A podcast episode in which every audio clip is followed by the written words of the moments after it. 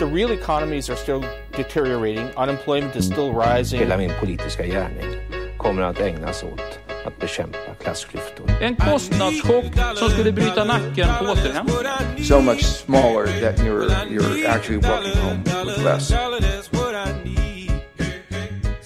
Hej och välkomna till ett nytt avsnitt av Nya pengar och politik. Jag vet att det, det är lite skämmigt att ta in gäst nu när vi i ett avsnitt för några gånger sedan sa, när jag klagade på att jag inte, att varför måste jag alltid vara idioten i våra samtal som, som liksom så här inte fattar något.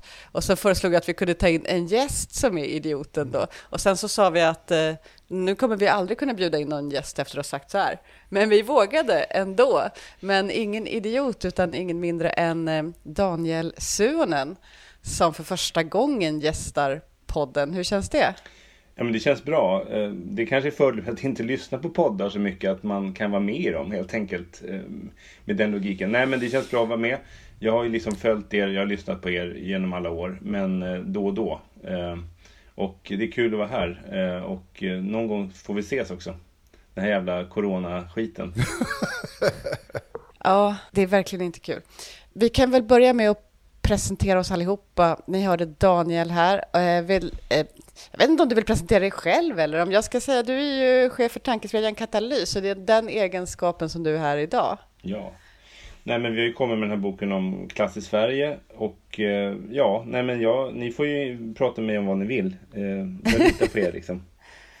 Det var ju lite därför vi bjöd in dig. Men jag kan säga att jag heter Jenny Lindahl. Sandro Scocco. Det var utan ens säga hej. Ja, ja, hej, hej, här är jag. Och eh, vi sitter ju i samma rum. Vi sa i förra avsnittet att nästa gång ska vi sitta i samma rum. Det ja, gör vi ju. Finally. Visst avstånd med samma rum. Men Daniel han sitter i sitt eget Rum. lilla arbetsrum. Mm. Vi, okej, vi ska börja då i alla fall med... Eh, det har ju varit ett projekt som har pågått ett par, ett par år, eller många år egentligen om man startar med när ni kom på det. Men i grund och botten så handlar det ju om ett projekt om att utreda klass i Sverige och eh, samla forskning och samla sociologer och ekonomer och så vidare att eh, kartlägga hur ser klass i Sverige ut och det har gett upphov till en massa böcker som nu är och nu är alltihopa sammanställt i en otroligt tjock bok. Ja. Är det en bra presentation Daniel av Ja, nej men... projektet? Otroligt tjock bok. Ja, den är otroligt tjock. Det- Det har ju kommit ut väldigt många tjocka böcker om jämlikhet eh, det senaste decenniet med Thomas Piketty och sådär. Eh, Och sen Per Molander försökte ju vara tjockast i landet här med sin jämlikhetsutredning här. Men våran bok är på 750 sidor om man räknar in noter och källhänvisningar och sådär. Eh, Och syftet är ju på något sätt att Alltså när vi, alltså alla vi tre så här, som var politiskt aktiva och medvetna på 90-talet. Det fanns ju en debatt då även på vänsterkanten om att klass hade spelat ut sin roll. Det fanns ingen klassamhälle, alla var medelklass. Vi hade den här Tony Blair liksom eran med Giddens och sociologer som sa att eh, liksom, det är andra saker än klass vi ska prata om. Så att i det läget så, så, så har jag alltid burit med mig den här, dels kunskapen och erfarenheten och, och känslan av att vi lever i klassamhälle. Men syftet med det här projektet är någonstans att visa att det faktiskt är fakta att vi lever i ett klassamhälle. Och sen så kan ju olika eh, aktörer och politiska tänkare och medborgare ha olika tankar om det. Så att, jag menar, vi vill egentligen stimulera, visa att Sverige är ett klassamhälle. För många är det nog delvis en nyhet. Eh, men, och det skärps på väldigt många sätt. Liksom det blir hårdare och hårdare, det blir större gränser och, och så vidare. Vi kommer in på det sen. Men det är liksom, syftet med det här är någonstans att flytta en debatt från är Sverige ett klassamhälle? Kan man prata om klass? Till hur ser klassamhället ut? Och vill vi göra någonting åt det? Det liksom öppnar ju upp för ett annat samtal. Alltså ett steg till vänster. Istället för det här, om man vill säga så här, lite Trumpskt eh, postmoderna. Vi vet ingenting. Jo, vi vet ganska mycket om det här. Eh, sen kan man ju lägga till andra fakta. Men det här vet vi. Det finns klyftor, de ökar, de hindrar människor att leva bra liv. Och sen kan de politiska partierna, till exempel Vänsterpartiet och sossarna och så, ha förslag om att fixa det. Så att liksom vi vill flytta debatten och boken blir som ett statement. Liksom. Den kan stå där i bokhyllan i ja, resten av livet hos folk. Eh, och, och liksom vara ett bevis för att de som säger att Sverige inte är ett klassamhälle, de snackar skit. Ja, nej, men det här är ju, jag, jag, tycker det här är jättespännande och ett jättebra projekt som eh, Katalys har drivit igenom. Och, och det är ju så att eh, vi, klassamhället i sig är ju liksom ingen historisk nödvändighet utan det, det förändras ju över tid. Och, och det är såklart, eh, jag menar, det är ju som Keynes trodde om arbetstidsförkortning, att produktiviteten skulle så småningom göra att vi jobbade liksom en dag eller två i veckan, därför vi skulle liksom inte behöva ja, jobba mer för att leva gott. Och det är likadant naturligtvis att ett klassbegrepp försvinner i spåren av en väldigt snabb rörlighet mot någonting annat. Va? Men Sverige har ju aldrig varit klasslöst utan eh, det är mer det som Keynes var inne på att under, liksom, eh, ja, ifrån kan man säga efterkrigstiden, 50, 60 och 70-talet så skedde det ju en väldigt snabb utjämning och vi fick den här utbildningsrevolutionen där liksom också medelklassens och arbetarklassens barn kunde gå på universitetet och så vidare och studiemedel och så. Så att vi, vi var ju på väg i en riktning som motiverade kanske en diskussion om att kommer klass vara så himla relevant? Och den där riktningen verkar vi liksom inte riktigt ha förstått ännu att den tog en kraftig sväng i början på 1980. Va? Mm. Så att klassamhället var definitivt inte avskaffat 1980. Och sen dess så har ju så att säga klassamhället eh, förstärkts. Och det, och det är väl det som jag tycker gör den här boken så relevant. Att vi är snarare på väg till ett nytt klassamhälle. Eh, och den liksom ja, men vi har väldigt svårt tror jag, att frigöra oss ifrån eh, vår historiska erfarenhet. Alltså vi, vi tror fortfarande att Sverige har en, en välfärd och en, en skattekvot som är vida överstiger alla andra. Vi tror att vi har en a-kassa i världsklass och så vidare. Allt det här är historiska meriter som har förändrats dramatiskt och även naturligtvis inom skolan och betydelsen för socioekonomisk bakgrund eller klass om man så vill. Va? Så att, mm det, jag, jag, förstår den här diskussionen som eh, Suhonen refererar till, eller Daniel, att vi hade en diskussion för rätt länge sedan om att äh, det där är nog inte så viktigt. Men det byggde lite på det där att man trendade fram alla utvecklingar som skedde 50, 60, 70 och hade de trenderna fortsatt, då hade vi också levt i ett helt annat samhälle än vi gör idag. Men det kan väl också finnas ett samband här mellan att man, att man slutar prata om klass, att man eh, säger att nu är det andra saker som är viktigt, andra identiteter, att man, slut, att man liksom föreställer sig det här samhället eh, som liksom ändå, det kommer, slu, det kommer spela ut sin roll, det kommer inte vara så mm. noga, man kommer kunna bli vilken klass man vill när man blir stor och så vidare. Eh, men att man slutar prata om det och att utvecklingen sen vänder, alltså vilket är hönan och ägget här, mm. alltså för att eh, när man slutar prata om det och slutar använda klass som politiskt verktyg, som analysverktyg för världen och slutar använda det som, som liksom bas för politisk förändring, då mm. blir det också svårt att, hålla, att, att fortsätta den utvecklingen mot minskade klassklyftor, tänker jag mig. Eller, eller jag för stor vikt vid liksom retorik och kommunikation och hegemoni och allt sånt där då? Um, är det liksom, finns det, finns det liksom en, en effekt? Tror mm. du, Daniel, som har suttit med det här? Ja, men jag tror verkligen att, jag vill liksom kommentera vad båda sagt. Jag börjar med det Sandro sa. Liksom det här med, alltså jag tror verkligen det. Alltså Sverige är, om man säger så här, svensk socialdemokrati och vår välfärdsmodell, där liksom Vänsterpartiet naturligtvis har varit en stödjande och ibland påhejande och kritisk liksom, kompis i det genom hela tiden. Liksom. Den vänster, det vänsterprojekt som Sverige var fram till 80-90-talets början, där vi vänder då 1980 som, som ni tar upp det är liksom ett, Sverige är liksom en, tänk er en, en längdhoppare som vinner OS, en svensk längdhoppare, Janne Jansson som vinner liksom OS-guld i Moskva-OS 1980. Eh, och sen börjar han tackla av, förlorar EM, förlorar SM, börjar vara med på distriktsmästerskapen i olika trygghetssystem, välfärds, andel av BNP som går till offentlig välfärd, skattekvot, jämlikhet vi liksom, nu är vi sämst, alltså mitten i Europa. Vi är mitten liksom på distriktsmästerskapen. Vi får liksom vara med och städa i omklädningsrummet. Men bilden vi har är liksom att vi är fortfarande bäst i världen. Och jag, bilden kanske haltar lite därför att en idag 80-årig längdhoppare kanske inte har en chans att komma tillbaka. Och jag tror liksom att Sverige med andra politiska beslut verkligen kan gå mot jämlikhet. Men jag tror att det finns någonting i den här svenska, alltså vi är så stolta i svensk arbetarrörelse, dess breda bemärkelse, över de här landvinningarna, de här grejerna vi gjorde på under efterkrigstiden och 30, från 30-talet och framåt. Det är liksom det vi är stolta över, det är det vi har gjort. Liksom. Välfärdsstaten, eh, full sysselsättningspolitik och så vidare. Och det, alltså, vi lever i en sorts självlögn eller liksom en livslögn på något sätt. Att det där är fortfarande aktuellt fast en del av de här systemen har avvecklats eller nedmonterats eller försvagats. Och problem, det är liksom så här, krishantering är ju ett av de första stegen efter att man har brutit ihop är ju att man på något sätt erkänner sin förlust. Liksom att man erkänner att morsan är död och nu får vi liksom ordna det här. Vad gör vi nu? Men så länge man inte erkänner det där, så länge när Tegnell och regeringen till exempel tror att Sverige har en jättebra äldreomsorg alla 1985. Alltså med eh, personal i överflöd som typ går hem till 68-åriga eh, förtidspensionärer och liksom hjälper dem att handla och diska och laga laxpudding från scratch i ugnen liksom. Tre, fyra timmar. Vilket ibland var liksom i, i den gamla äldreomsorgen. Eh, omvårdnad, liksom, social verksamhet till, till viss del. Om man tror att det är verkligheten i Sverige Ja, då kan man göra en strategi som inte tar in äldreomsorgens situation idag. Där man springer hem, där en gammal människa i corona riskgrupp liksom har 16 personal i genomsnitt på en två veckors period i hemtjänsten.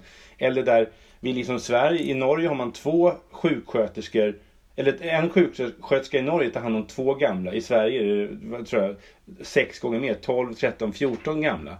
Alltså det är liksom en otrolig skillnad. Och vi ligger liksom efter på massa områden som spelar roll. Liksom. Så att jag tror att den där exceptionalismen, vi tror att vi är så bra. Vi ska vara stolta över massa saker som vi har gjort. Och mycket är fortfarande bra. Men vi måste utveckla vissa saker. Och då måste vi också se att vissa saker har förändrats. Till exempel ojämlikheten, till exempel privatiseringen av välfärden.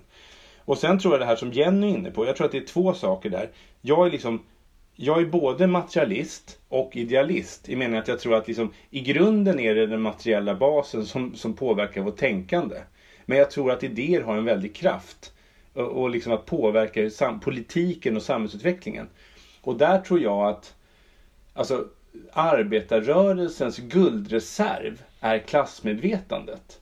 Eh, alltså helt enkelt det här att mina föräldrar som var, som inte lever längre, som var så här väldigt radikala socialdemokratiska arbetarväljare. De var liksom det här, de var med i partiet ibland, de röst, var med i facket och hade förtroendeuppdrag i Hyresgästföreningen och de röstade alltid på sossarna, någon gång på, vänster, på VPK liksom. Eh, och liksom, de, var, de var ofta sura på sossarna, även på Palmes tid, Fälts tid, Karlssons tid. De var jättesura på Göran Persson. Varför röstar de inte på liksom den tidens Åkesson, Ian Wachtmeister eller Bert Karlsson? Varför röstar de inte på Bildt i protest? Varför röstar de på Ingvar Carlsson och Persson och så vidare? Och Salin och så vidare? Jo, det var ju klassmedvetandet. De hade ju genom liksom det här som man då kanske både kan vara nostalgisk inför, men, men liksom, jag menar, guldreserven här var det här klassmedvetandet som gjorde att en stor del av LO-gruppen och även andra liksom tjänstemannaskikt och så det fanns inte på kartan att rösta på någonting annat än till vänster. Därför att, varför då? Jo, för att man kom ur arbetarklassen, eller var arbetarklass, och hade ett liksom, politiskt klassmedvetande. Vem, är, vem gör saker för oss och vem är vår motståndare? Och menar, hur arg min mamma hade blivit som helst, alltså hur arg hon än hade blivit på socialdemokratin, hade hon aldrig röstat på ett högerparti och framförallt inte på ett nazistparti eller med ett parti med sådana rötter. Så att jag menar att klassmedvetandet, att prata klass, det kan ju inte förändra verkligheten. Klasserna är ju som de är. Men vår bild av dem, är man medveten? Kan man dra en politisk slutsats? Vad händer i politiken när inte ens facket pratar om klass utan pratar om LO-medlemskap, vilket ju delvis är någonting annat. Alltså, jag tror att det, det är flera nivåer här, men klassmedvetande, stoltheten över att vara en av de som bygger landet, som gör det tunga jobbet. Det är ju en jättemöjlighet att mobilisera människor, liksom. Eh, men det är också så att klassmedvetande på något sätt gör att man får en lojalitet som är mycket djupare. Det är nästan, alltså klassmedvetande är arbetarrörelsens variant av patriotism. Vi är stolta mm. över vår klass, vi som gör jobbet, vi som har byggt välfärdssystemen. Och det där liksom Samtidigt som då naturligtvis arbetsmarknaden och annat har förändrats. Liksom, vi kan inte liksom, mitt mål med det här är inte att Sverige ska bli som 1984 utan jag tror ju, det kanske vi kommer till, liksom, att man utifrån den här klassanalysen skulle kunna bygga en ny liksom, progressiv majoritet utifrån hur det ser ut. Men där man bygger en, så här, ett politiskt klassmedvetande för det 21 århundradet. Liksom. Men jag tycker också man kan koppla ihop det du säger om stoltheten i klassmedvetandet. Mm. Eh, för att om vi utgår från att det finns jobb som måste utföras, det måste köras buss och eh, eh typ det måste lagas kolpudding eller snabbmat till gamla, så att säga. Eh, så så det, då, då, är det en massa yrken som ligger i det och så länge som man inte har en stolthet i klassmedvetandet. Alltså så om, om, om, man kopplar ihop det här med, gud vad heter han, jämlikhetsanden. Eh, nu är det helt ja, borta. Wilkinson och Pickett. Wilkinson tänker jag på. Mm. Eh, men hans idé om hur, eh, hur, hur dåligt man mår när man upplever att ens status inte eh, inte, alltså inte räcker till i samhället och att alla mår dåligt i, samhället som är, i samhällen som är ojämlika. Det, är, det är ju lite annan diskussion att eh, ojämlikhet är dåligt så att säga, men, men att det inte finns någon stolthet i, i att göra de jobben därför att det finns en en, eh, det finns ingen klassidentitet i det och, det finns, eh, och då finns det heller ingenting annat. Då är det bara ganska kassajobb helt plötsligt. Mm. Eh, Fast jag, jag, jag, tycker man eh, måste ta in lite i den här diskussionen som eh, ja, Daniel tog upp med att ja, men mina föräldrar skulle aldrig rösta på högern eller ett, liksom, ett rasistiskt främlingsfientligt parti liksom, bara för att de blev besvikna på vänstern. Där, där, tycker jag det är relevant att diskutera vem har övergivit vem. Mm. Min läsning av historien är ju att det är ju de här grupperna som har blivit övergivna av det politiska etablissemanget. Det är ju liksom, vi fick ju en kraftig omsvängning av det internationella klimatet och det är ju lite det du också är inne på Jenny. Att, ja, men stoltheten och liksom, det här är det jag bidrar med. Eh, och där tycker jag att det finns väldigt underhållande eh, liksom, anekdoter. Det är ju liksom till exempel då Assa Lindbeck med sin beramade ekonomi kommission som kom där på 90-talet för att lägga om politiken i en väldigt skarp högersväng. Där han talade då om den tärande och närande sektorn. Va? Och det, det han menade med då tärande, det var liksom helt enkelt ja, hela offentlig sektor. Eh, och närande, det var ju liksom de i privat sektor. Och det blev ju en kultur också av att se det på det här sättet.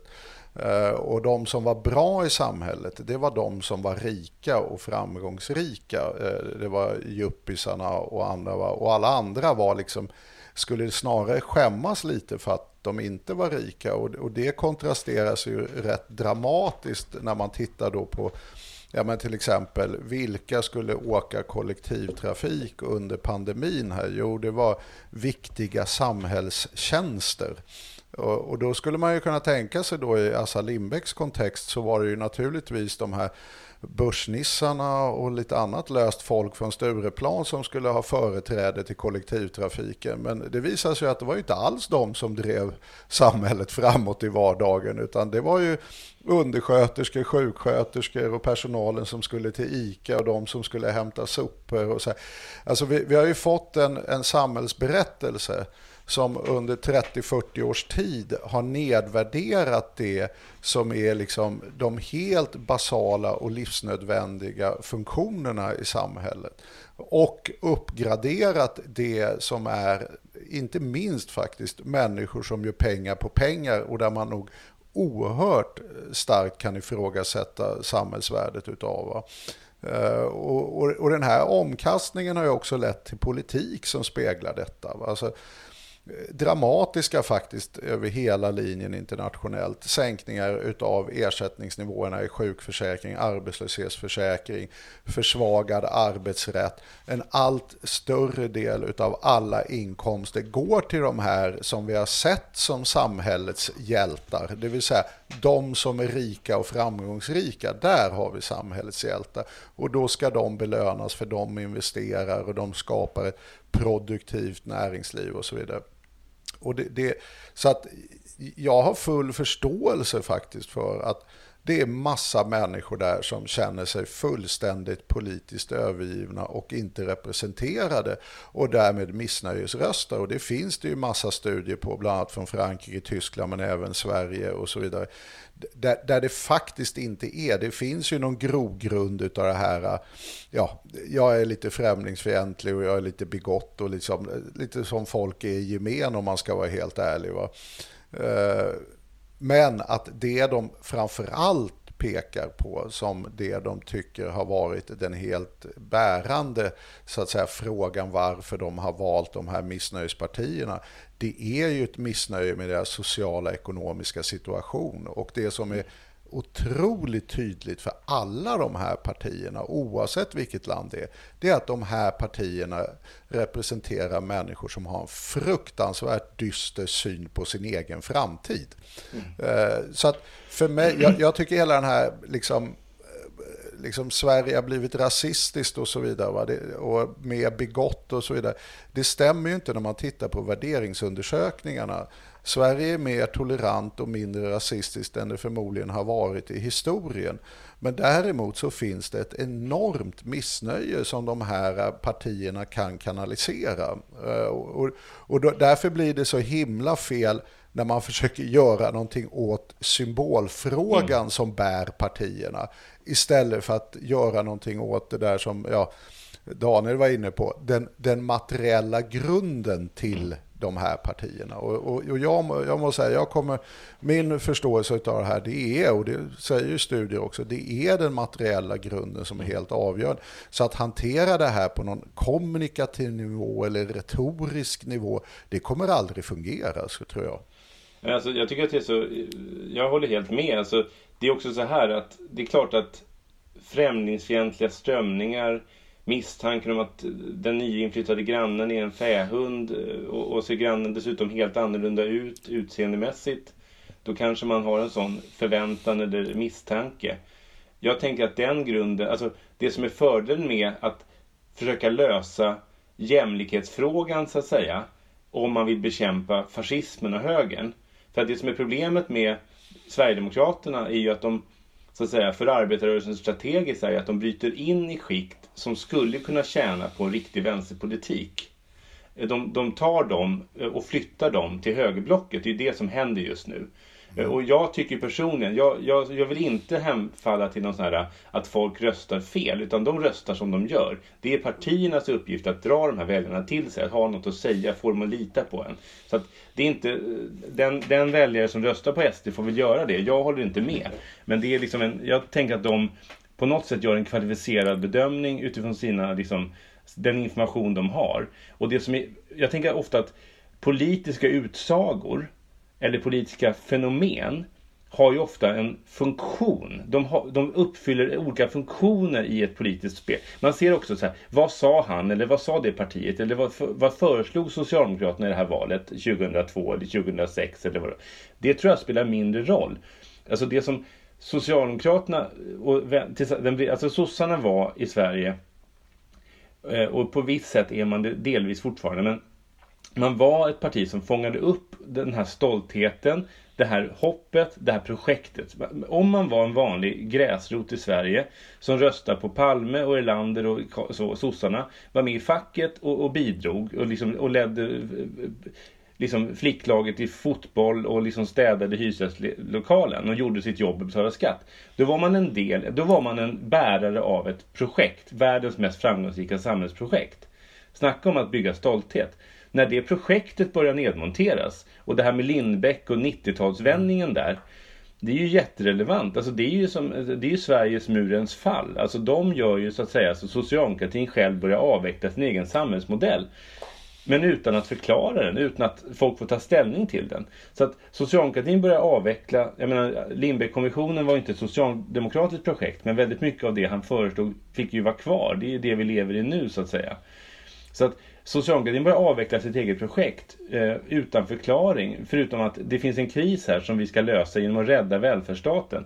Alltså, man kan beskriva de här 40 åren, eh, liksom de här, som vi skildrar intensivt i den här boken som vi har gett ut den är ju liksom, det är egentligen, den skulle kunna heta klasskrig uppifrån. Alltså för det som har hänt egentligen är ju att från 1800, som Terborn också beskriver, 1860 till 1980 så går Sverige kraftigt mot jämlikhet vad gäller demokratiskt inflytande, omfördelning, välfärdsstat. Det är som Gini-koefficienten går hand i hand med demokratisering.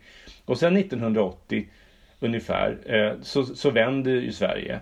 Och då är det, det som händer då, det är ju som en serie saker. Dels liksom arbetslösheten kommer, vi har den här krisen. Så jag menar, det är ju som att berätta för Sandro Scocco, liksom en, en amsaga han redan har berättat för mig. Liksom, men bara liksom, kontexten. Det är klart att det händer realpolitiska saker i det liksom, ekonomiska systemet. Keynesianismen har problem. Kanske inte ohjälpliga, men, men allvarliga problem. Högerns idéer och, och liksom kapitalismen står som liksom segertåg i, sen när muren faller och så vidare. Alltså det är ett, ett ideologiskt korståg på något sätt mot vänsteridéer.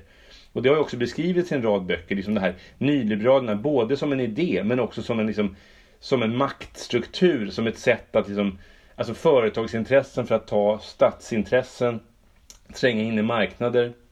I dagarna här kommer rapporter om de här miljon, månghundra i friskolebolagen det är klart att de här bolagen tjänar på den här samhällsomvandlingen.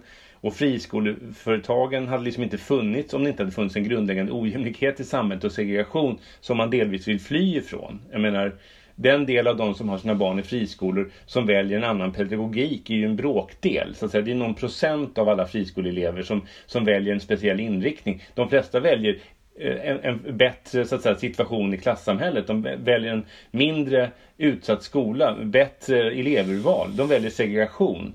Eh, och liksom, det jag vill komma till är på något sätt att det här klasskriget uppifrån Eftersom socialdemokratin har varit en del av det och låtit det här hända och delvis liksom understött det.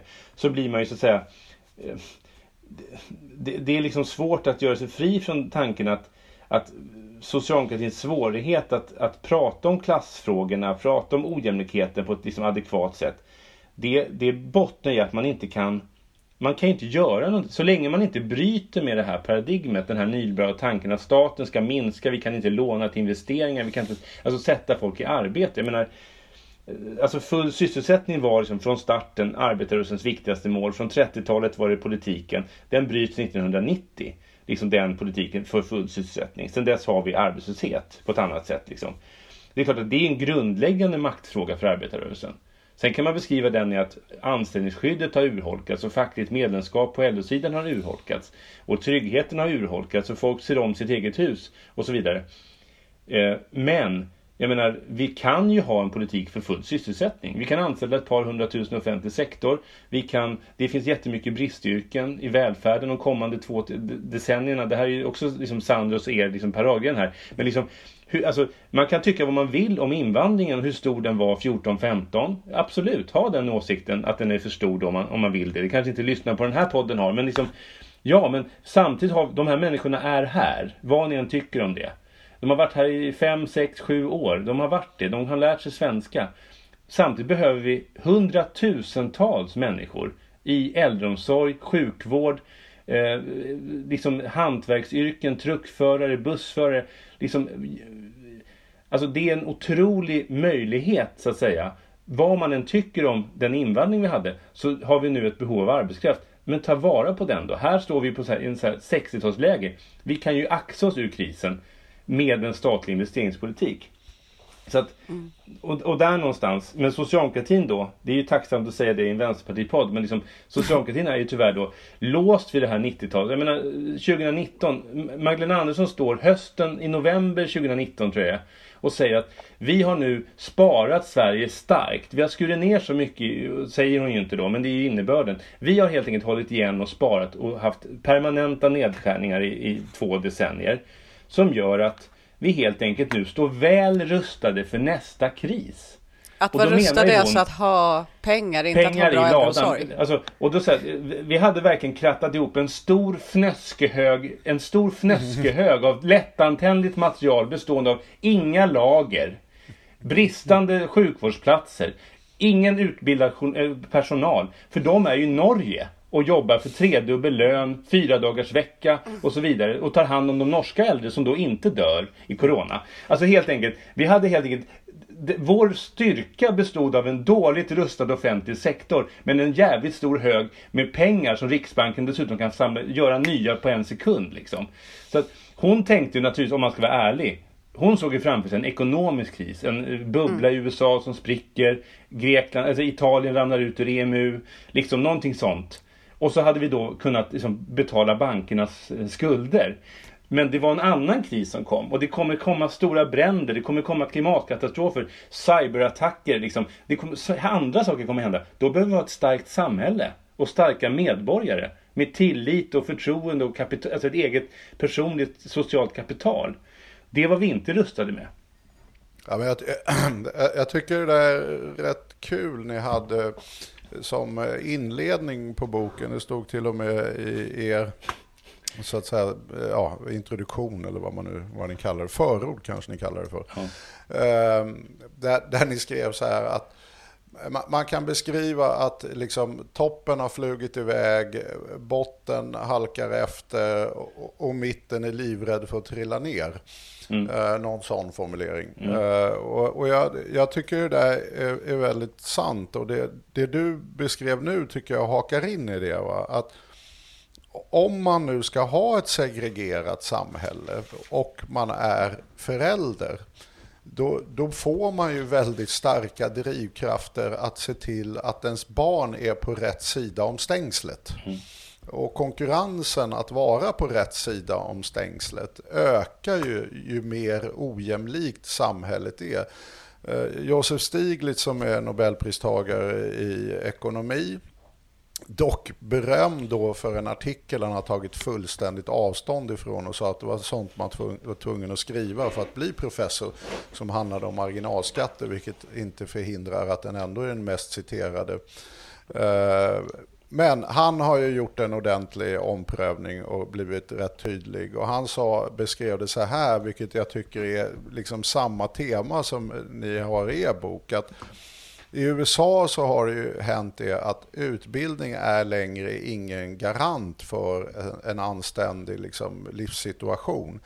Och då skrev han det som att när jag gick på college så var vi tre kompisar och vi visste alla tre att det skulle gå rätt bra för oss alla tre. Så vi var så här sköna polare, solidariska, man hjälper varandra. Mm.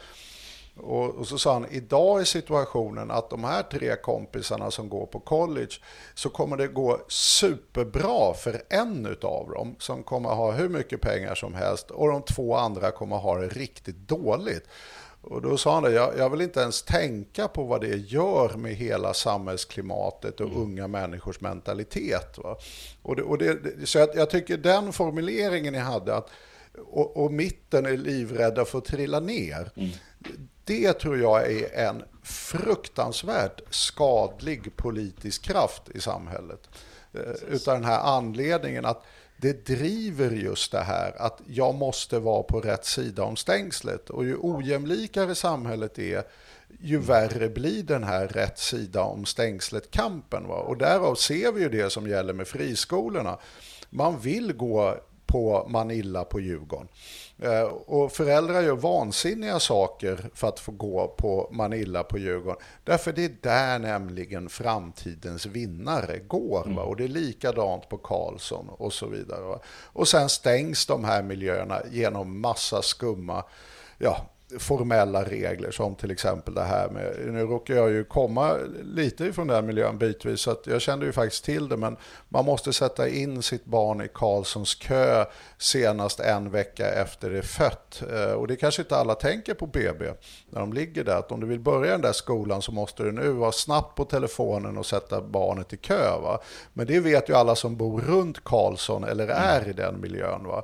Och på det sättet så utestänger man ju alla andra på ett fruktansvärt effektivt sätt genom liksom det kunskapsövertaget de som är i miljön har. Va? Och då får man ju just det här ni pratar om klassamhället. Och det, och det är ju där vi står idag. Alltså det mm. säger till och med högerdebattörer säger ju det öppet. Väldigt obehagligt. Jag undrar inte var Kelius som var inne på det. Va? Att det där med friskolorna, vilket är en historieförfalskning från helvetet får man förvisso säga. Va? Men, mm. men friskolorna är ett sätt att skydda liksom medelklassen ifrån samhällsfördärvet. De Mm. isolerar sig typ i sina gated communities och skolor nu. Va? Och det är, ett, det är ett motiverat beslut utifrån att typ underförstått, vi har låtit samhället förfalla genom hög invandring eller något liknande. Va? Och, det, och det här resonemanget är ju väldigt, tror jag, farligt. Och ju mer det får fäste hos människor, ju mer tappar ju människor tro på någon form av jämlikhet och beter sig rationellt för att egentligen främja ett klassamhälle. Man, man är bara väldigt sugen på att vara på rätt sida så att säga utav stängslet. Men här är det ju intressant också, det som, alltså när Daniel pratar om den här, eh, eller den här formuleringen som, med, med rädslan, eh, så tänker jag att här är ju ändå, eh, vad ska man säga, vad, vad, samhällets berättelser, kommunikationen, orden väldigt viktiga. För att eh, alltså man är rädd för att, man är, man är rationellt rädd för att, för att petas ner. Eh, men man riktar väl knappast den rädslan i allmänhet mot produktionsförhållandena eller mot den långsiktiga ekonomiska utvecklingen eller den långsiktiga politiska trenderna, utan man riktar den rädslan mot någonting som, som finns närmare, någonting man ser omkring sig. Feminismen, eh, om man är man då, tvärtom kanske om man är om man är kvinna. Eller, eh, eller den höga invandringen kanske man tänker. Alltså man ser hoten liksom för att bli nerpetad, för, ser man liksom på andra ställen än där de verkligen finns. Eh, och eh, jag menar, det vet man väl själv eh, om man känner, om man någon gång känner oro eller ångest och så, här, så är det sällan för rätt sak. Alltså det är sällan som man liksom verkligen går och oroar sig över saker, de verkliga problemen, utan det som liksom triggar ens oro är ju alltid någon, någon detalj. Va- Varför kan jag inte, varför hörs jag inte på Zoom? Eller vad händer nu med, alltså sånt som liksom hela tiden triggar. Och så är det väl liksom med, med samhällsutvecklingen också. Så att människor är rationellt rädda för, att, eh, för samhällsutvecklingen, men riktar den mot fel ställen, då blir ju berättelserna om hur samhället ser ut väldigt viktiga. Eh, och jag har tänkt mycket på senaste veckan, så för jag ska vara med, jag ska vara med i den här eh, landskampen, så jag har lyssnat på alla Ja. nyheter. Eh, eh, så verkligen alla. Jag har lyssnat på hela lördagsintervjun, på hela Ekonomiekot Extra, på hela, alltså på sportsändningarna, alltihopa, för att man vill ju liksom, man vill ha det här bakgrundsbruset så man kanske eventuellt kan svara rätt på någon fråga, istället för att bara fokusera på sina, okej, ja, jag är tävlingsinriktad.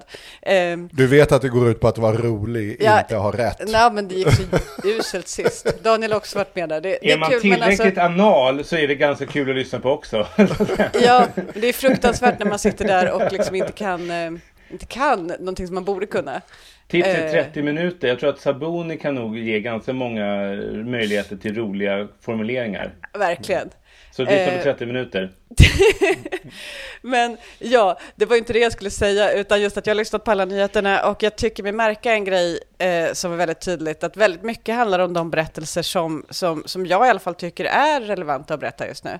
Jag lyssnade på hela lördagsintervjun med Baudin som pratar om det här som du var inne på i början Daniel, om, eh, om hur det såg ut i äldreomsorgen i början av corona. Man hade inte skyddsutrustning, man, eh, man har bara timvikariat. Eh, och just det här att eh, Folkhälsomyndigheten och eh, regeringen säger det här är kommunernas ansvar och kommunerna gör ingenting. Och liksom typ man bara så här struntar i, i eh, jag menar en, en, en dödlig situation som, som pågår hela tiden, för, dödlig för både för äldre och för personal och så vidare. Eh, det, det var liksom en berättelse. Ekonomiekot extra handlade då om marknadsskolan och hur, hur man gör 25 procents vinst på barn med särskilda behov för att det, det är så stora extra resurser i, i liksom pengar till barn med särskilda behov och skolorna som då satsar på att bara rikta in sig på barn med särskilda behov och hur mycket vinst de gör, eh, samtidigt som de larmar om att de inte får tillräckligt med pengar. Och eh, eh, det är liksom, eh, jag, jag, tyck, jag, jag skulle kunna liksom rabbla ett tag till, men det är väldigt många berättelser som handlar just om de här problemen nu. Eh, så att jag tänker att det har skett ett skifte. Eh, dels på grund av, eh, för att det som var berättelsen för två år sedan, det var ju bara handlade bara om migration och om eh, eh, hur många människor som ska bo här, eh, som om det liksom är så, särskilt lätt att siffersätta. Eh, det så här, ja, lagom, många kanske. Eh, men hur som helst, det, det, berättelsen har skiftat och den handlar knappt ens så mycket om gängkriminalitet längre, även om det fortfarande är en sån här dominerande mm. berättelse att eh, man ska vara rädd för folk som har kniv, så, eller skjutvapen, att det är liksom vad vi ska vara rädda för. Så tycker jag att, att vara rädda för att det inte finns skyddsomröstning i äldreomsorgen är ju ändå det är ganska konkret, det går att vara rädd för. Eh, och det är mycket mer konstruktivt därför att det går att göra någonting åt med politiken. Alltså för att berättelserna som dominerar samhället, de, de bestämmer också vilka politiska prioriteringar som görs utav, i valrörelser utav de politiska partierna. Och om berättelserna är att äldreomsorgen är dålig och att eh, vi har för mycket vinstuttag i välfärdssektorn, då kommer det föras en annan politik än om mm. berättelsen är kolla en kille med pistol. Men alltså det är därför jag tänker så att det är därför, jag menar mitt livspolitiska projekt är att få socialdemokratin att bli socialdemokratisk. Och det är liksom, problemet är ju någonstans att socialdemokratin är ju under överskådlig tid en otroligt bra aktör för att berätta den typen av berättelser. Alltså Vänsterpartiet gör väldigt mycket rätt. Jag tycker att ni gör ett väldigt bra jobb liksom som, som ett mindre vänsterparti vid sidan om så att säga. Eh, och, och, det finns ju potential i det att öka och växa och allt möjligt när skickligt folk liksom. Men socialdemokratin är ju, har ju en väldigt bra position. Alltså socialdemokratin är Leif GW Persson så att säga i samhällsdebatten. Man skulle kunna vara Leif GW och berätta mm. vad som helst och, och folk kommer att eh, tro det. Alltså problemet är ju någonstans att, att den tilltron har ju skadats eh, de sista decennierna eh, och urholkats. Men jag tror att det handlar ju om att man inte gör det man säger. Alltså skulle socialdemokratin dels ha berättelsen men också politiken. Eh, då skulle man få en tilltro igen ganska snabbt tror jag. Eh, Daniel, typ, ja. vänta. Det är så här, typ, om de bara hade politiken och berättelsen, då skulle det vara bra. Ja men precis, alltså jag, jag hade en gång, jag skrev en gång en rolig historia som känns som en sån här gammal Sovjethistoria. Det var någon så här, vad är felet med socialdemokratin? Nej men så det är egentligen inte så stort fel med socialdemokratin. Man behöver bara en politik, en ideologi, ett ledarskap och en strategi. Så kommer det mesta lösa sig. Eh, I princip är ju det då hela verksamheten för ett politiskt parti då som brister lite grann. Eh, nej men så här, jag, jag, absolut. Men jag menar liksom att jag tror så här att för 40 år sedan kunde socialdemokratin säga saker som fick folk att reagera. Idag lyssnar folk inte på samma sätt. Därför att de litar inte på det. Socialdemokraterna har sagt nu i 20 år att man ska förbättra välfärden. Sen Göran Perssons dagar har man sagt nu ska vi satsa på välfärden. Och det gör man ju någon mening att man tillför mer pengar ibland. Men de mer pengarna räcker ju inte ens för att upprätthålla gårdagens standard eller dagens standard. Och det innebär ju att de facto blir en nedskärning. Alltså satsningarna under 20 år är i princip i bästa fall att behålla status quo. Och det som Baudin till exempel och du tog upp nu med välfärden. Det är ju beviset för och vilket vi på Katalys har sagt i flera rapporter liksom hela tiden vi har funnits. Att det som är nu duger inte.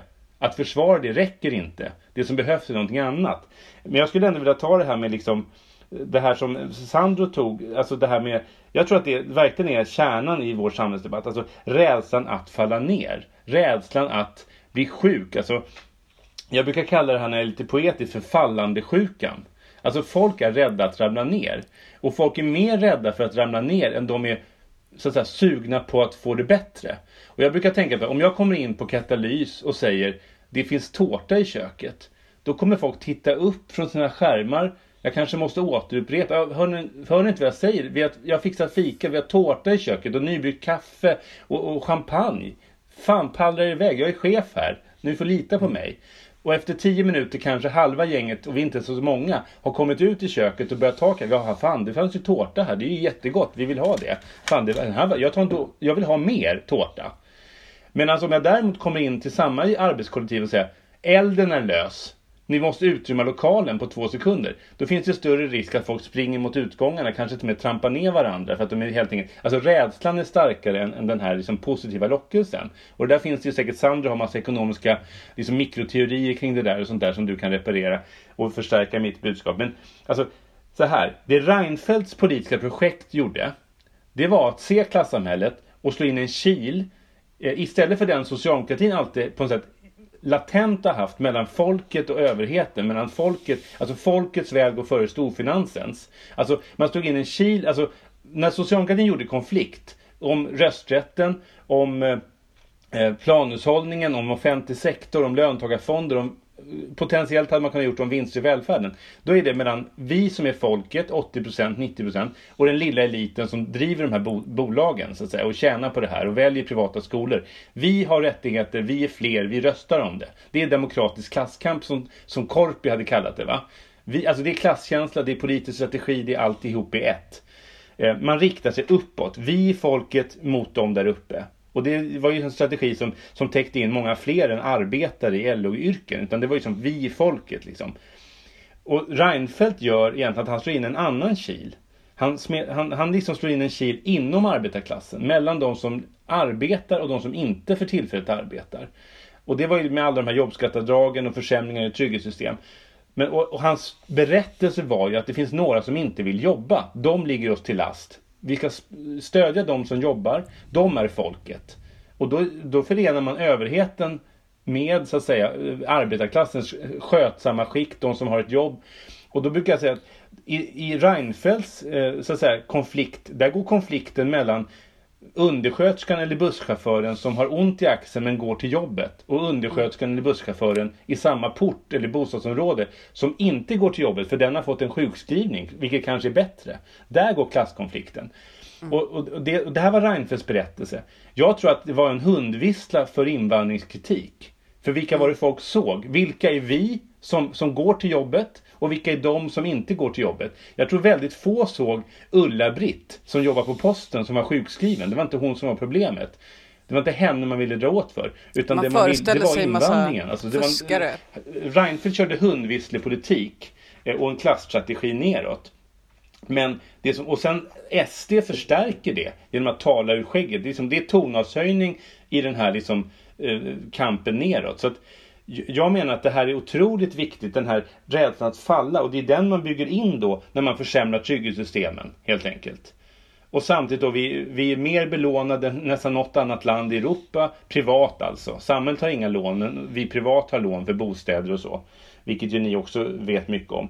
Och liksom det som är grejen då är att eh, Alltså nyliberalismens, när den tränger in i, ja till och med Vänsterpartiet ibland, socialdemokratin, hela samhällsdebatten och borgerligheten. Det är ju en berättelse om att politiken kan inte lösa problem. Det är berättelsen om att eh, jag skrev ju ett par tal, var med och skrev ett par tal åt Håkan Juholt och två formuleringar tycker jag var ganska bra där. Och den ena var installationstalet. Om jämlikhet inte är möjlig, då rustar sig medborgarna för ojämlikheten. Och det är precis det som ni båda pratar om. Alltså, jag är reformist, både i en S-förening som heter så och liksom i min ideolog, ideologiska strategi. Jag tror på stegvisa förbättringar. Det är det som leder framåt. Liksom. Eh, de behöver inte gå långsamt, men det måste vara liksom, man tar det pö om pö. Och, och liksom, jag tror att liksom den nyliberala reformismen, där man skruvar ner förväntningarna, där man drar in rättigheter, där människor förbereder sig på försämringar. Alltså, jag tror att människor alltid är rationella. En förälder vill att deras barn ska få det bra. Man har inget emot att alla får det bra, men om det inte är möjligt, då vill jag i alla fall att min jäkla unge går på en bra, i en bra skola. Och min mamma ska gå...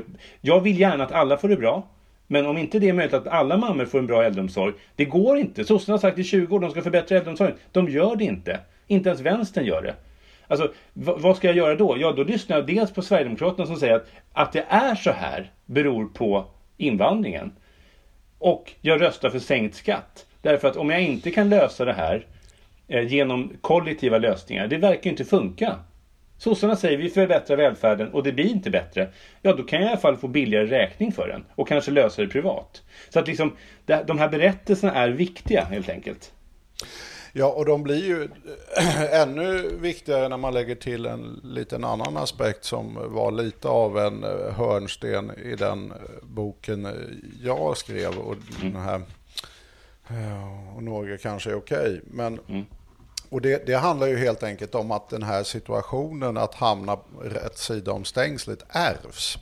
Och det, det är ju då vi liksom verkligen har ett genuint klassamhälle och inte alls en liberal ordning som ens högern vill ha. Därför att högerns liksom, eh, raison d'être, så att säga, det är ju att vi ska ha ett meritokratiskt samhälle. De, de, som är duktigast ska få de finaste jobben och de högsta inkomsterna och så vidare. Va?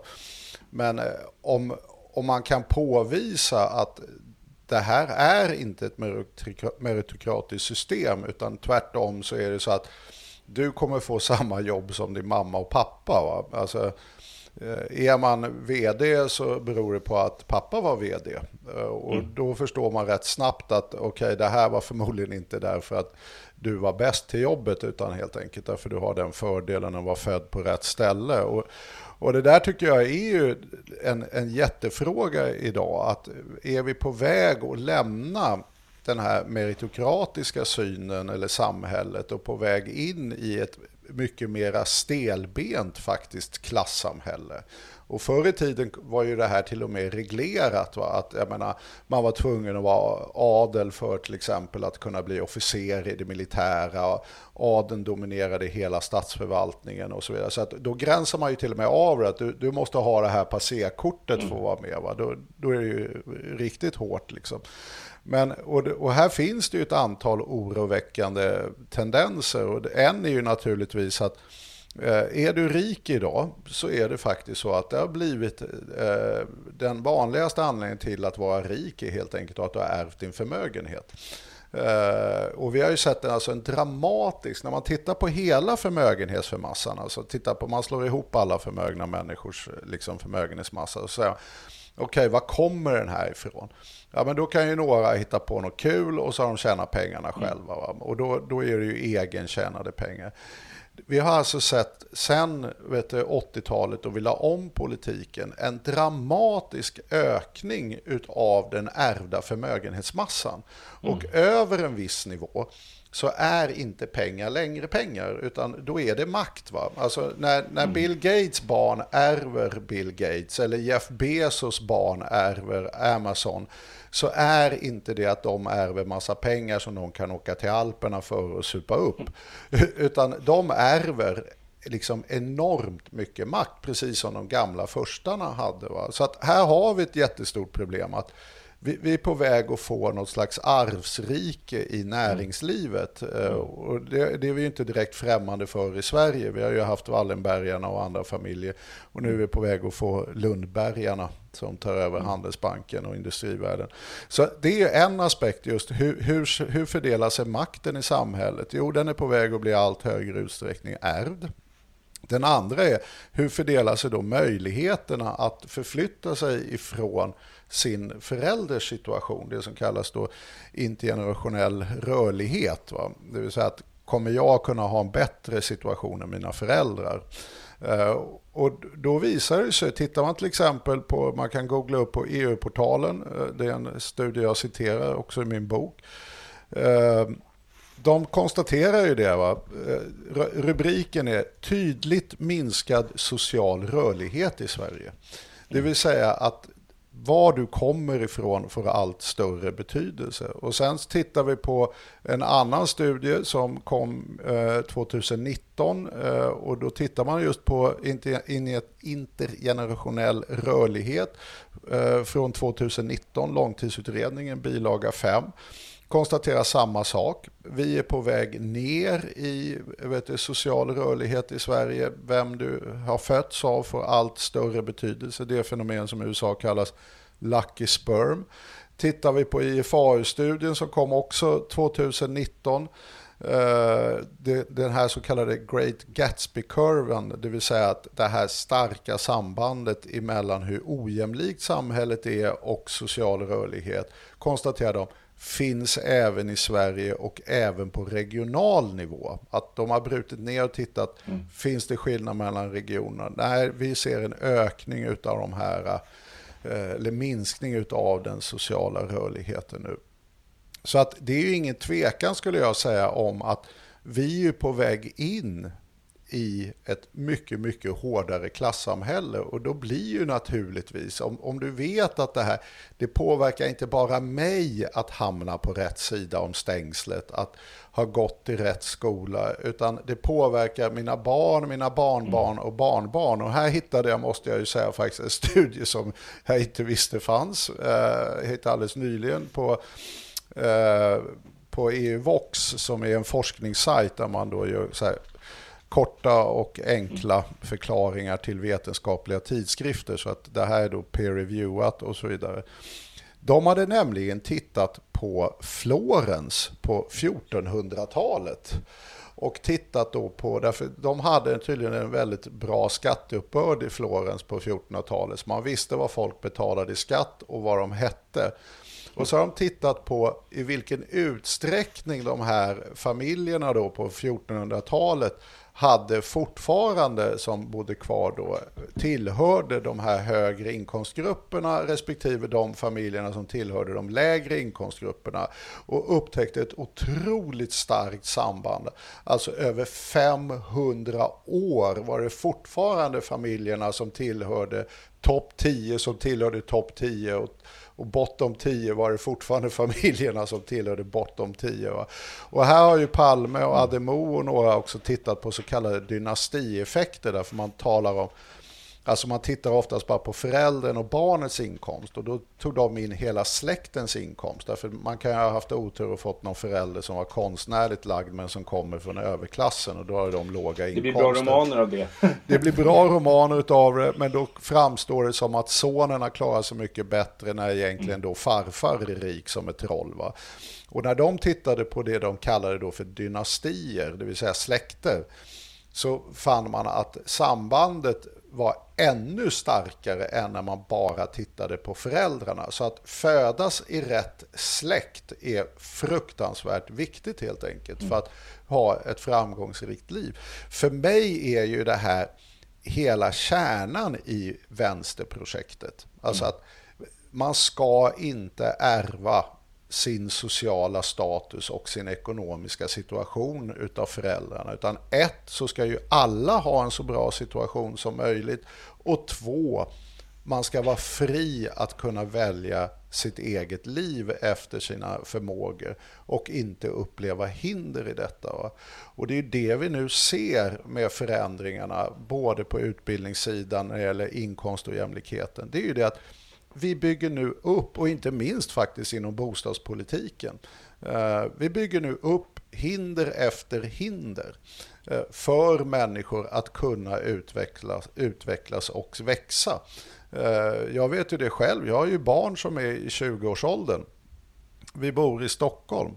Eh, om inte jag hjälper till så är de helt enkelt körda på Stockholms bostadsmarknad. Alltså, idag är det så att föräldrarna måste ha pengar så att man kan betala barnens insats och vara medlåntagare, mm. det vill säga ha väldigt höga relativa inkomster.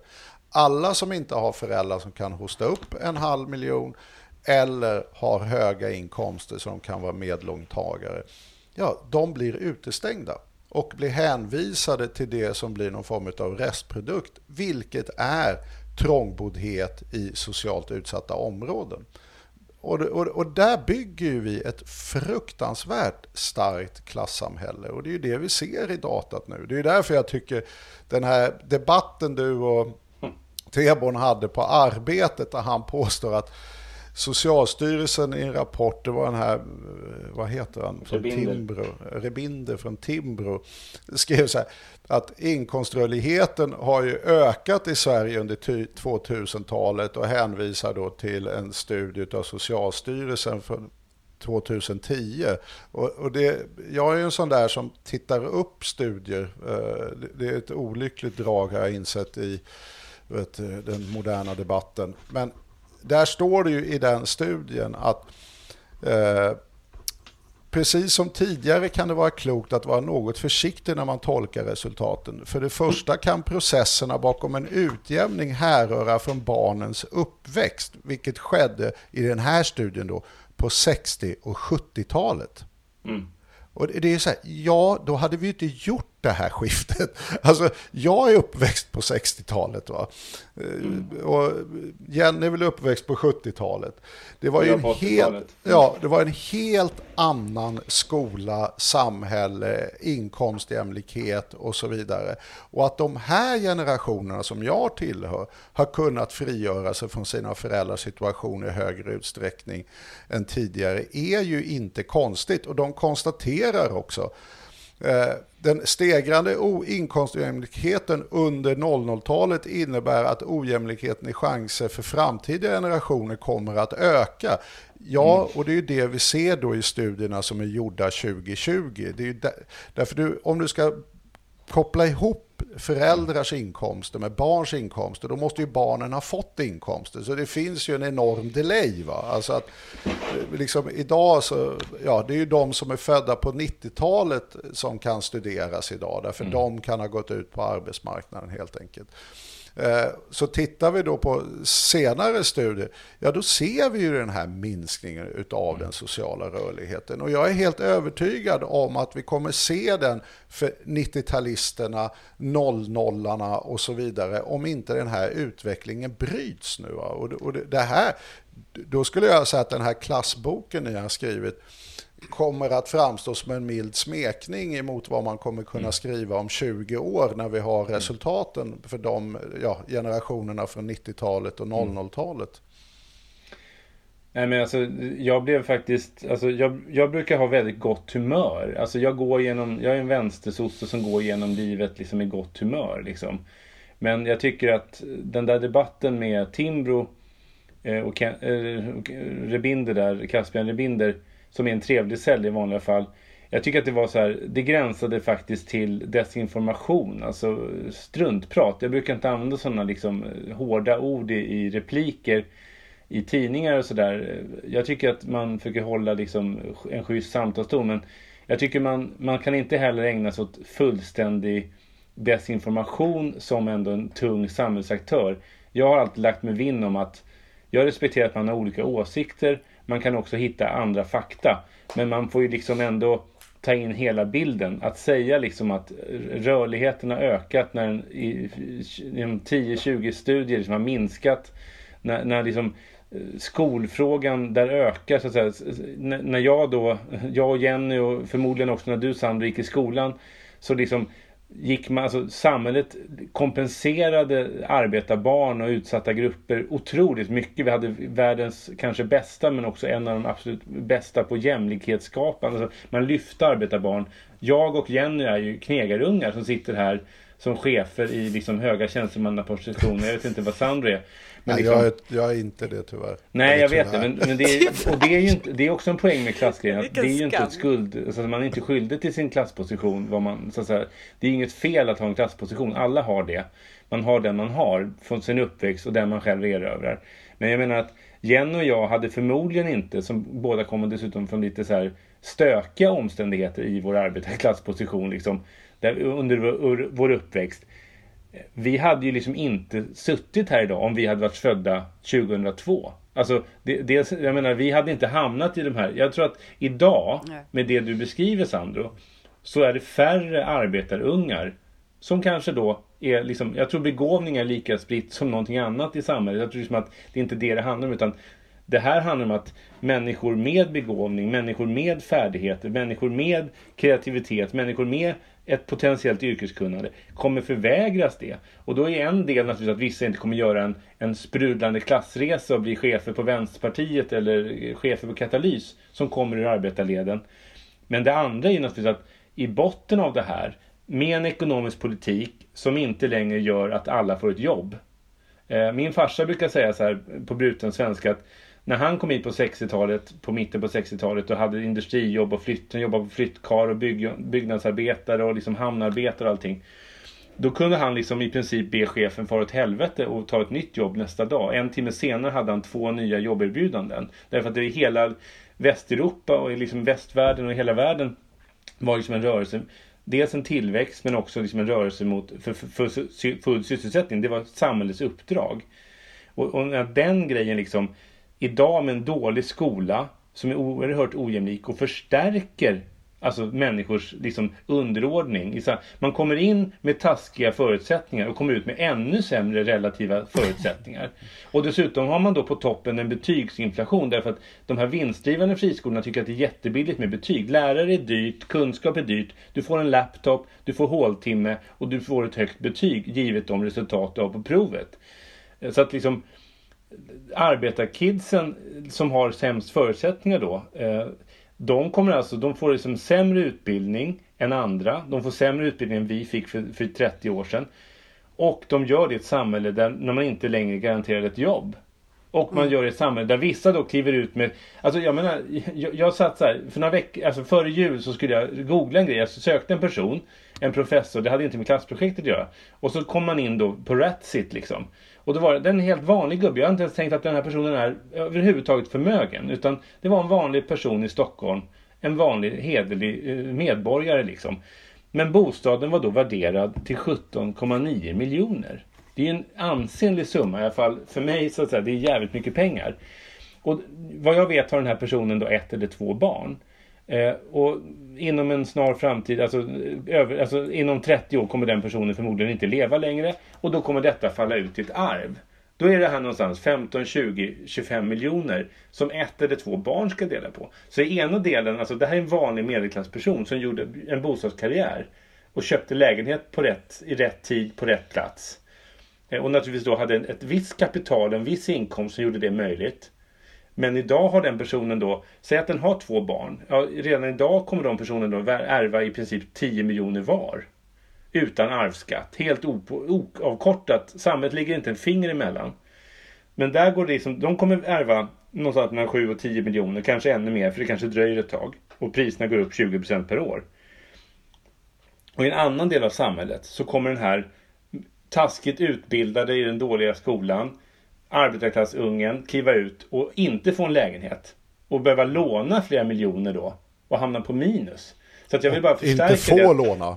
Och inte det... få låna därför att man kanske inte har ett jobb. Eller man har en betalningsanmärkning därför att man när man var 17 år gammal gjorde ett sms-lån. Så har man inte betalt det och skött sina räkningar. Vilket ju också då jag brukar säga för liberalen är allting en slump. Återigen så slår slumpens hårda hammare över arbetarklassen. Och de, de här människorna med låga löner och låga utbildningar som är trångbodda och har föräldrar ofta som kommer från ett annat land. Ibland drabbas de också lite mer än de rika av dåliga så säga, betalningsförmågor av räkningar från snabblån och så vidare och så vidare och så vidare. Alltså det här är en otrolig, det är en tickande bomb vilket vi också skriver i boken. Dagens kapitalkoncentration och snedfördelning och ojämlikhet är en tickande bomb när 40-talistgenerationen försvinner och de ska lämna över hundratals miljarder i arv till sina barn. Det är förmodligen en sweet spot, kommer jag att tänka på när du beskriver din och min eh, liksom, tid som vi växte upp i. För att vi, hade, vi, växte, vi växte upp i en tid då dels eh, det sades oss att klasstillhörighet inte spelar så stor roll längre. Så vi trodde mm. ju att vi kunde bli vad vi ville. Och mm. samtidigt så hade det konsekvensen av det tänkandet, det vill säga nedrustningen av de kompensatoriska välfärdssystemen, inte skett mm. ännu. Så mm. att vi fick all den kompensation som klassmedvetna före, föregångare till de, de politikerna som styrde då eh, hade satt på plats. Så att vi fick den här bra skolan, vi fick den här, de här liksom utjämnande effekterna och samtidigt så trodde vi att eh, att vi var bäst. Och så... när de försämrade då skolan för min generation på ja. 90-talet, då, då visste vi att det var, hade skett en försämring. Så vi mm. strejkade ju och stoppade flera mm. av de här försämringarna. Mm. Ja, men det här, men, vi måste börja avrunda ja, också. Ja. Eh, vad vill du säga något om skolan? Ja, Som faktiskt. Jätte, jätte, jättekort. Vi, vi, vi, talar jättemycket om skolan, men det är också inom barnomsorgen det här är helt avgörande. Alltså jag, jag citerar ju flitigt eh, den här boken eh, som eh, togs upp i eh, den engelska debatten, eller den här kommissionen om social rörlighet. Alltså till och med den konservativa regeringen i England insåg att wow, här rör sig ju ingen. De har ju enorma problem med social rörlighet. Så att till och med en högerregering var tvungen att tillsätta en forskningskommission. Och den forskningskommissionens stora slutsats var ju att det här med social rörlighet etableras väldigt tidigt i, i åldrarna. Alltså redan vid fyra års ålder så sätts de här mönstren som sen fortsätter upp i skolsystemen och så vidare. Och här är ju urholkningen av barnomsorgen. Alltså, jag vet att det finns olika sätt att räkna på det där och jag kommer nog visa ett annat sätt att räkna på det där som är mer korrekt. Därför de har ju bytt begrepp och annat. Men det, det har skett en kraftig urholkning av barnomsorgen. Och det är ju bara att gissa hur den också slår socioekonomiskt. Då. Så mm. att ska vi få igång en vettig social rörlighet igen, då är det inte minst också faktiskt inom barnomsorgen det här måste så att säga åtgärdas. Jag, jag vill göra vi ska avrunda det här för att eh, det är liksom dags. Ja, vi kan prata hur länge som helst. Jag vet, jag vet. Vi får göra det utanför podden eh, så snart som det är liksom, man får träffas fler än en i taget. Typ. Vi saknar bara en öl så skulle det här ja, vara riktigt trevligt. Visst, det hade det varit. Men då vill jag komma in på... hade anekdoten blivit delvis annorlunda och mycket mer lyssningsvänliga. Ja, men jag vill komma in då på då, eh, rätt, apropå öl vill jag komma in på lite rättelser här. Eh, som, eh, det, det blir, vänta, ja, nu ska vi se. Eh, ja, det blir ju liksom så när man sitter med digitala hjälpmedel och pratar med varandra att man låter varandra tala till punkt på ett annat sätt så att man säger inte hörru du det där är ju helt fel mitt i, mitt i när den pratar. Men nu vill jag säga det för att dels då så har Sandro sa att man skulle in på EU-portalen och eh, leta rätt på den här statistiken och den heter faktiskt Europaportalen så att inte folk sitter nu och eh, Visst heter den Europaportalen? Ja, ja, ja bra. Det, det, eh, den, så att inte folk eh, leds fel här nu. Men den, den andra är det. att Daniel bollade upp en vision av hur han skulle komma in och säga att det finns tårta och champagne på Katalys. Så då vill jag bara säga att av egen erfarenhet vet jag att det finns aldrig någon champagne på Katalys. Tårta Nej, kanske. Det är sant. Det är sant. Nej, det, var, det, var, det var, faktiskt helt var sant. Det var helt det är osann. Man tror att det ska finnas champagne, men det gör det inte. Vi har, vi har många anledningar att fira på Katalys ofta, men någon champagne blir det inte. Vi har en Nej. hård alkoholpolicy. Verkligen Champagne är en privatsak, så att säga. Som, mm. för att travestera Det kommer inte innanför väggarna på Katalys. Jag, jag trodde det var en sån här signalvärde för att visa att Daniel var champagnevänster. Han är ju det, men Katalys är inte det. så att det finns en, eh, liksom, finns en skillnad där. Um, men så det var de rättelserna jag ville göra innan vi går vidare. Men jag tänker att vad jag har lärt mig idag är att um, det är alltså inte vi tre, utan klassmedvetenheten som är arbetarrörelsens guldreserv. Mm. Tråkigt. Framstår ändå rimligt. jag, trodde det var, jag trodde det var vi. Um, men um, vi får jobba, liksom, vi får göra ännu bättre content.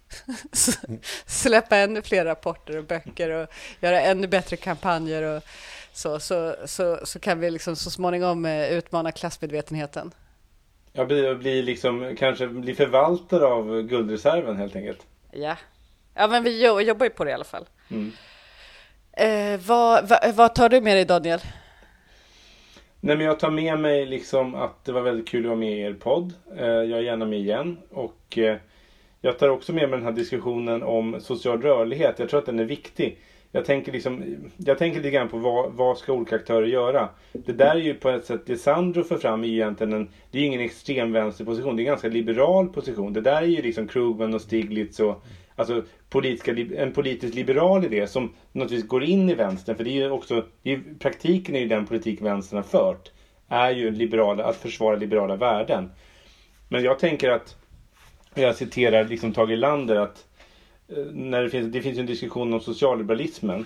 Och där tycker jag att eh, liksom, Erlander har ju det här med att socialliberalismen är en, en skör planta som behöver luta sig i skuggan av en stark arbetarrörelse. Så att nu när Sabuni håller på att utradera sitt parti och liberalismen liksom försvagas i Sverige så är det väl liksom, jag tror att det bästa vi kan göra för att försvara de här idén om meritokrati, alltså någon sorts liksom ändå, du ska själv, alltså alla ska få samma startpunkt så att säga. Det är ju ett sätt att se på samma, liksom lika möjligheter, eh, lika chanser.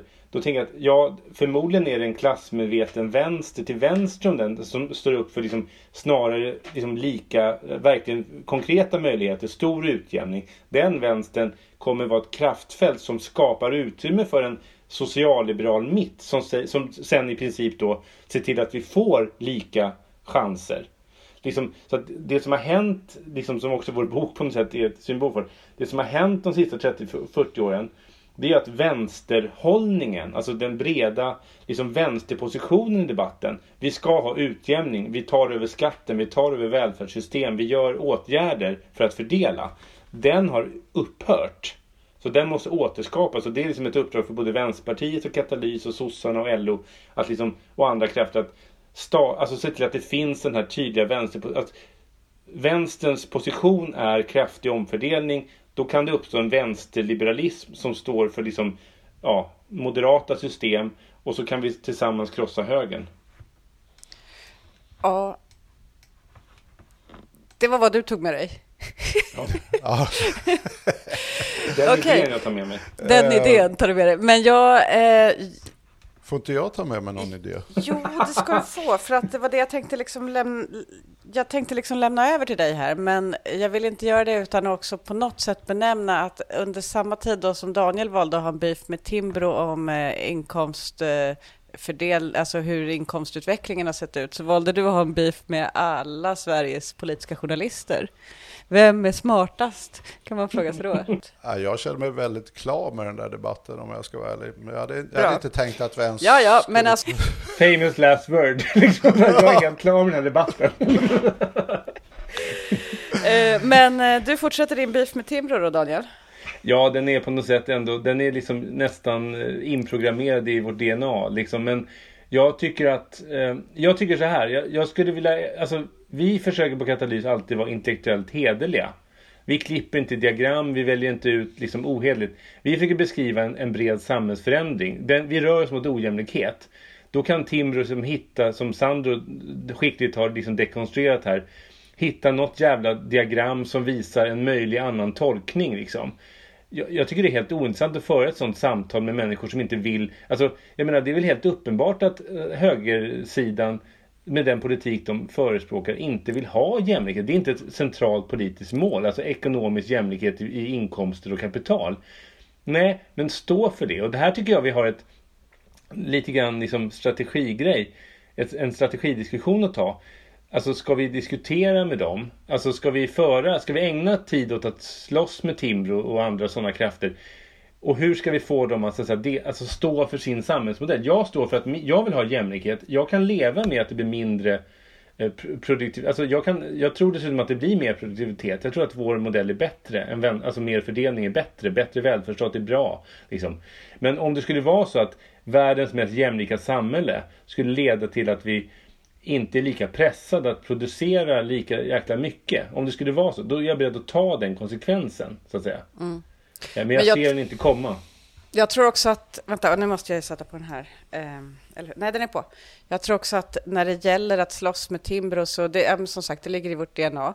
Men Mm. jag tänker att Timbro, de sitter och ger ut massa böcker om, om klaner och klansamhällen och, Mm. och så. Och att ehm, eh, den debatten är ju, det, det är ju någonting som leder fram till rädslan för saker som inte är rimligt att vara rädd för, eller som inte är själva orsaken till ens Mm. problem. Mm. Det är inte, liksom kl- klan, det är inte klaner som liksom typ bor i förorter som, är, eh, som orsakar ojämlikheten i Sverige. Eh, däremot klaner som består av familjedynastier som ärver förmögenheter, de orsakar Mm. ojämlikheter i Sverige. Och eh, att flytta över debatten från, från, från de ena klanerna till de andra, så att säga, eller att ta debatten eh, kring, kring just eh, ekonomiska system och så vidare. Det Mm. gör ju också att man skapar den här, alltså att man är med och, och skapar berättelsen om vad som faktiskt är konfliktlinjerna i, i Ja. politiken och i Sverige. Så att, lycka till. Och det finns ju också någonting, jag tycker liksom hela liksom Sandros arbete också liksom med, med invandringsfrågan sådär. Så, eh, det är ju det här på något sätt att eh, du har ju beskrivit liksom hur saker ser ut liksom. Det- man kan säga om det här som gör att jag gärna håller mig till den sociala frågan, välfärdsfrågan, fördelningsfrågan så att säga. Det är att i ett demokratiskt samhälle kan vi göra någonting åt fördelningsfrågan. Hur välfärden är organiserad, hur mycket skatt vi tar ut till trygghetssystem, vad vi gör för insatser för, dem, alltså för barnen så att de får en bra start i livet. Det går vi att göra med ganska härligt, trevliga, eh, socialt accepterade politiska redskap. Medan den politik som så att säga eh, högerkrafterna står för, så att säga, den här, om problemet är att det har kommit hit en grupp människor, några hundratusen, som äter oss ur huset. Det, jag kan inte se en, en, en schysst liksom, lösning på det problemet. Utan det, historien förskräcker hur man ska lösa det problemet. Om det är problemet, vilket jag inte tror. Medan om man tänker att problemet är att vi måste ha en bättre fungerande sjukvård, mer pengar till sjuksköterskelöner, vi måste ha höjda pensioner, vi måste sätta folk i arbete i klimatomställningens tjänst, bygga bostäder. Det är ganska härliga politiska projekt som, sätter folk, som skapar positiv energi. Eller om vi ska fördriva människor och riva deras bostadsområden som SD föreslår. Alltså, det finns ju någonting i det här jag, jag, är helt med på att mina sosseförslag inte löser alla på jorden existerande problem. Nej, men vi kan väl börja där. Med att ha jämlikhet, bra bostadsmarknad, bra välfärd, schyssta transfereringssystem. Sen kommer det finnas återstående problem. Ja, men då tar vi dem då. Ja, vi börjar där då. Ja, ska, ska jag säga vad jag har tagit med mig kanske? Ja. Uh, uh, ja men, alltså, jag, jag, jag, tycker faktiskt den här inledningen på vet du, boken med ja, just det här med att liksom, toppen har dragit iväg, eh, botten har halkat ner och eh, mitten är livrädd för att trilla ner. Jag, jag, jag, tycker den bilden är faktiskt väldigt bra som ni skriver där i början på boken. Och det är faktiskt det jag tar med mig. Och det, det jag också tar med mig är, inte minst också från den här diskussionen, är vilken enorm kraft det är i samhället om man skapar det incitamentet. Alltså, du kommer också att få massa människor som enbart så att säga strävar efter att inte hamna på fel sida om stängslet. Mm.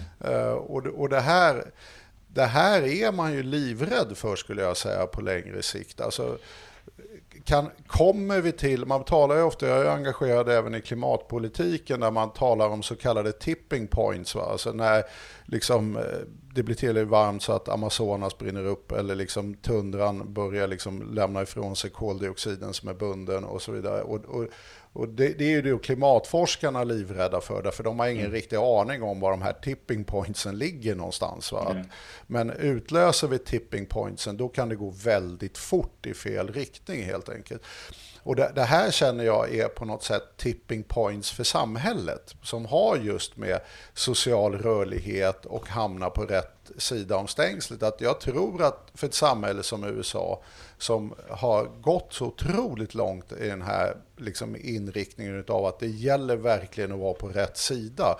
Att det bygger också en mentalitet och en kultur i hela samhället som sen blir oerhört svår att vända. Va? Att det är någon form av tipping point. Så att jag, jag tror, min förhoppning är att Sverige inte har passerat den tipping pointen och att mm. vi verkligen men det börjar nog bli fem minuter i tolv, precis som i klimatpolitiken. Mm. Att vi måste verkligen ta tag i de här frågorna innan vi får ett alltför institutionaliserat beteende hos medborgarna. Där, där attityden blir så här, jo, jo, men det skulle vara trevligt med ett rättvist och jämlikt samhälle, men vi vet alla att det är orealistiskt och därför kommer jag att satsa alla pengar på att få barnen på Manilla.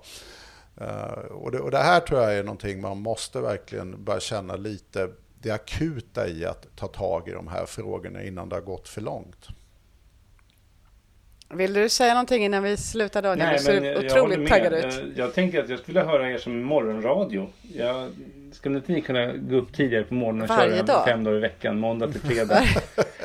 ja, visst, 06 absolut. Det är 07. inga som helst problem. Det skulle inte störa livet alls. Men eh, tack så jättemycket Daniel för att du var med. Eh, och, tack själv. Eh, vi, eh, vi andra, det vill säga lyssnarna och vi, eh, ses igen om två veckor då. Hej då! Tack Daniel! Hej då! Hej då! Ha det fint! Ha det bra! Hej!